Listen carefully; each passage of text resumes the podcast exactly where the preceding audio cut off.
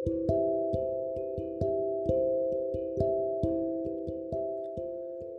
Bapak Ibu Saudara yang dikasihi oleh Tuhan Selamat pagi. Kita sungguh mengucap syukur pada pagi hari ini. Kembali uh, berjumpa di dalam renungan Yang senantiasa kita dengarkan setiap hari. Dan kita bersyukur Sekali lagi pada pagi hari ini kita bisa diberikan kekuatan Kita bisa bangun, kita bisa memulai segala aktivitas kita dan kita bersyukur buat anugerah yang sudah Tuhan berikan kepada kita dan saat ini mari kita siapkan hati kita untuk mendengarkan dan juga merenungkan firman Tuhan. Namun sebelumnya mari kita berdoa. Bapa di dalam surga kami bersyukur buat anugerahmu, kasih setia dan kemurahanmu yang begitu luar biasa kami dapatkan, kami terima, dan kami rasakan. Terima kasih Tuhan buat pemeliharaanmu sepanjang malam hari ini. Pagi ini kami kembali dibangunkan dengan kekuatan yang baru. Kami bersyukur Tuhan, terima kasih buat hari yang baru. Dan sebelum kami memulai segala aktivitas kami, Tuhan kami rindu untuk mendengarkan dan merenungkan firman Tuhan. Kiranya firman yang kami dengarkan boleh tertanam di dalam hati kami, boleh bertumbuh dan berbuah, dan terlebih daripada itu Tuhan kami boleh menjadi pelaku dari setiap firman yang kami dengarkan. Berbicaralah kepada kami pada pagi hari ini, karena kami siap mendengarkan. Di dalam nama Tuhan Yesus, kami berdoa dan siap untuk merenungkan firman-Mu. Haleluya. Amin. Bapak Ibu yang dikasihi oleh Tuhan, pada pagi hari ini kita akan mendengarkan renungan masih di dalam dua tawarik dan kita sudah tiba di dalam pasal yang ke-15. Dan hari ini kita akan melihat dan belajar bersama-sama dari kisah yang tertulis di dalam dua tawarik 15 mengenai pembaruan yang dilakukan oleh Asa. Dan kalau kita melihat di dalam Uh, perikop atau pasal yang sebelumnya Bapak Ibu Saudara the perang pertama perang rohani yang Asa menangkan dalam catatan sebelumnya ya dilakukannya pada waktu ia masih muda ya. Itu masuk akal atau logis bahwa pembaharuan yang dilakukannya masih terbatas dan belum menyeluruh mencapai seluruh wilayah kerajaannya. Jadi pada saat itu ketika Asa memenangkan banyak peperangan-peperangan, dia fokus melawan setiap musuh-musuh. Namun pembaharuan-pembaharuan di dalam Israel sendiri itu belum terlalu meluas ya bahkan belum mencapai seluruh wilayah di kerajaannya. Nah, baru sesudah ia memerintah selama 15 tahun kalau kita melihat dalam ayat yang 10 Asa melanjutkan gebrakan pertamanya ya. Dan ini adalah gerakan pembaruan itu ya. Tidak semata lahir dari dorongan Asa itu sendiri atau dari uh, pikirannya sendiri dari dorongan uh, keinginannya sendiri untuk mengungkapkan ibadah yang murni kepada Allah. Tetapi ada salah satu pemicu ya yaitu oleh firman yang datang melalui Nabi Azaria yang tertulis di dalam ayat yang pertama dan yang kedua.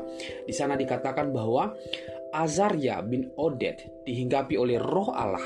Ia pergi menemui Asa dan berkata kepadanya, Dengarlah kepadaku, Asa dan seluruh Yehuda dan Benyamin. Tuhan beserta dengan kamu bila mana kamu beserta dengan dia. Bila mana kamu mencarinya, ia berkenan ditemui olehmu. Tetapi bila mana kamu meninggalkannya, kamu akan ditinggalkannya. Dan ini adalah firman Allah yang datang kepada Nabi Azar, Azaria untuk disampaikan atau untuk diteruskan kepada Asad.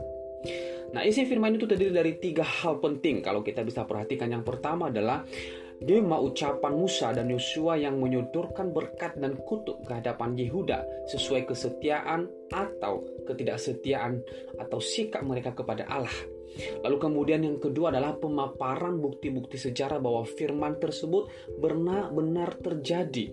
Nah, kalau kita melihat bahwa di dalam ayat yang pertama dan kedua isi firman Tuhan ini di sana dikatakan bahwa bila kamu meninggalkan Allah maka Allah akan meninggalkan engkau, tetapi bila engkau mendekati Dia maka Dia mendekati engkau.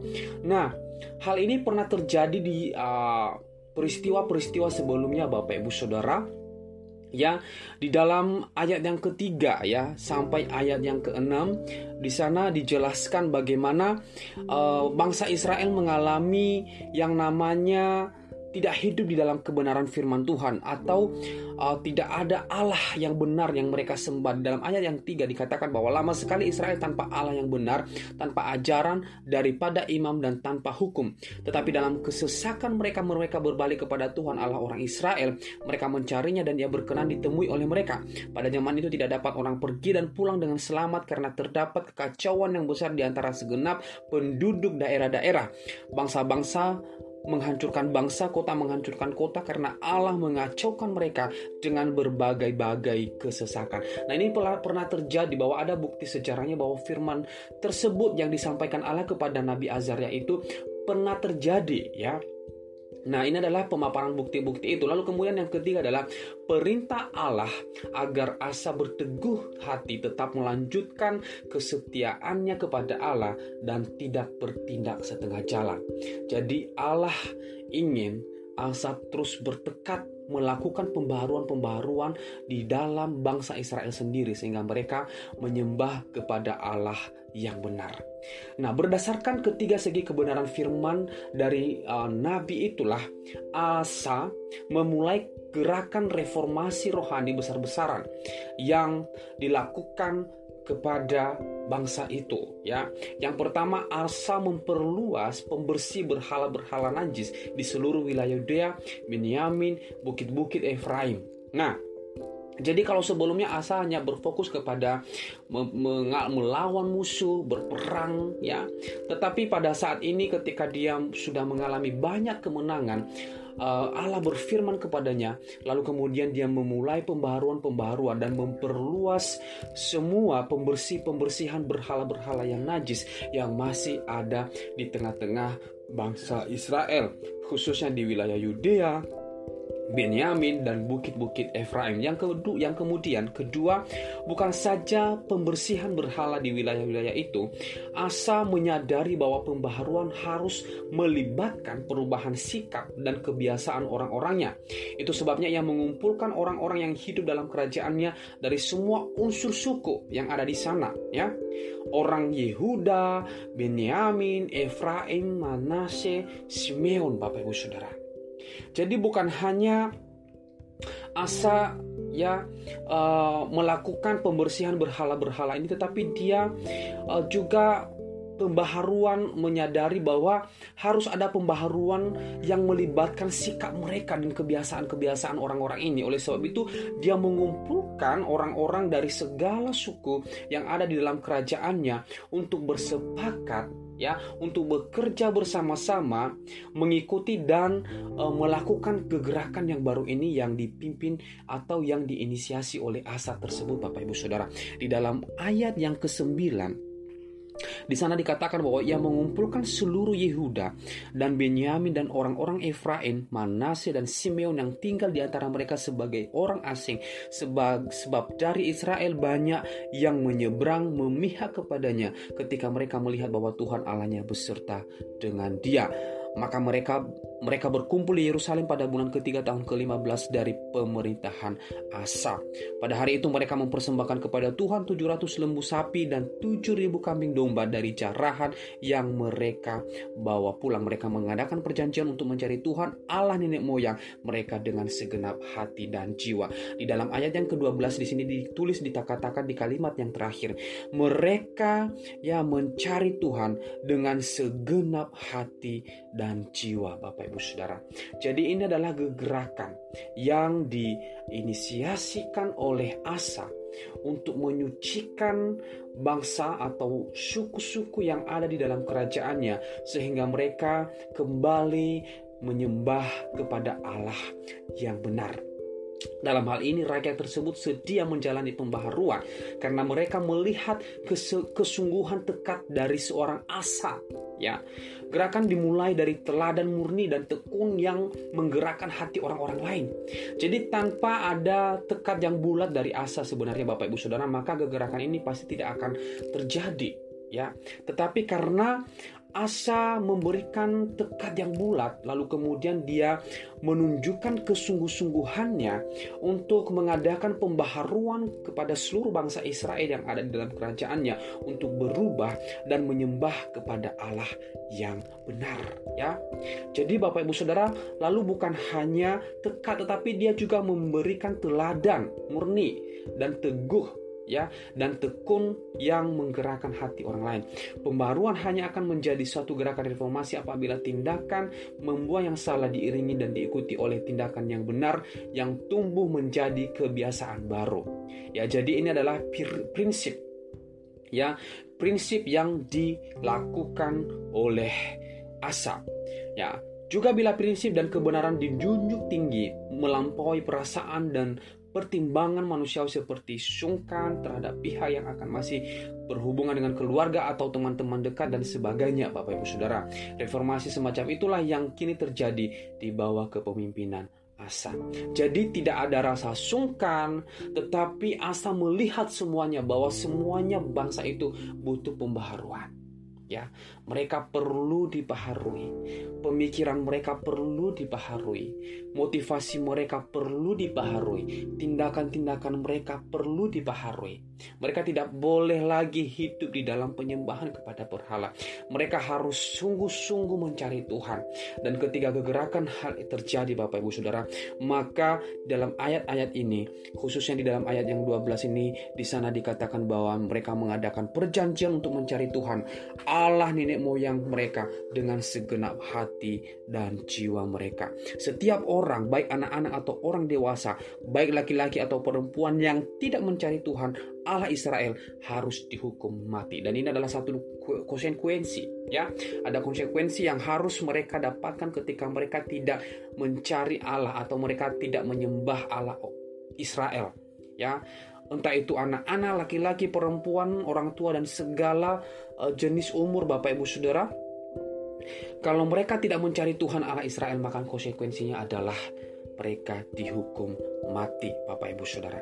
Jadi dari apa yang dilakukan oleh Asa pembaruan yang dilakukan oleh Asa kepada bangsa Israel Bapak Ibu Saudara dia membuat suatu kegerakan baru yang pada akhirnya orang Israel yang tadinya menyembah kepada berhala, masih menyembah kepada Allah-Allah lain, berbalik kepada Allah yang benar, lalu kemudian menyembah dan mencari Allah Israel dengan kesungguh-sungguhan hatinya Bapak Ibu Saudara. Ya, dan kita bisa melihat pada akhirnya apa yang terjadi selama masa pemerintahan Asa. Dalam ayat yang ke-18 19 di sana dikatakan ia membawa persembahan-persembahan kudus ayahnya dan persembahan-persembahan kudusnya sendiri ke rumah Allah yakni emas dan perak serta barang-barang lain. Ayat yang ke-19 di sana dikatakan bahwa tidak ada perang sampai pada tahun ke-35 pemerintahan Asa. Bisa kita bayangkan Bapak Ibu Saudara ketika mereka berbalik kepada Tuhan dan mencari Allah Israel, keamanan terjadi. Bisa bayangkan bagaimana bangsa pada saat itu ketika dipimpin oleh Asa yang mengalami kedamaian, tidak ada perang. Ya. Tidak ada perang, tetapi yang ada adalah keamanan, kedamaian yang tercipta dan ini adalah karena kegerakan yang dibuat oleh asa. Bapak Ibu Saudara yang dikasih oleh Tuhan. Apa yang perlu kita yang bisa kita pelajari dari uh, pribadi atau dari prinsip yang diberikan oleh asa ini Bapak Ibu Saudara. Yaitu satu hal yang paling penting adalah ketika kita terus mendekat kepada Allah hati kita terus melekat dan terpaut kepada Allah, maka damai sejahtera yang melampaui segala akal dan pikiran itu akan memenuhi hati kita. Ya. Terkadang kita tidak menyadari bahwa oh saya tidak menyembah kepada Allah lain. Tetapi Bapak Ibu Saudara jika ada hal-hal yang masih melekat dalam diri kita yaitu yang menduakan Allah. Ya.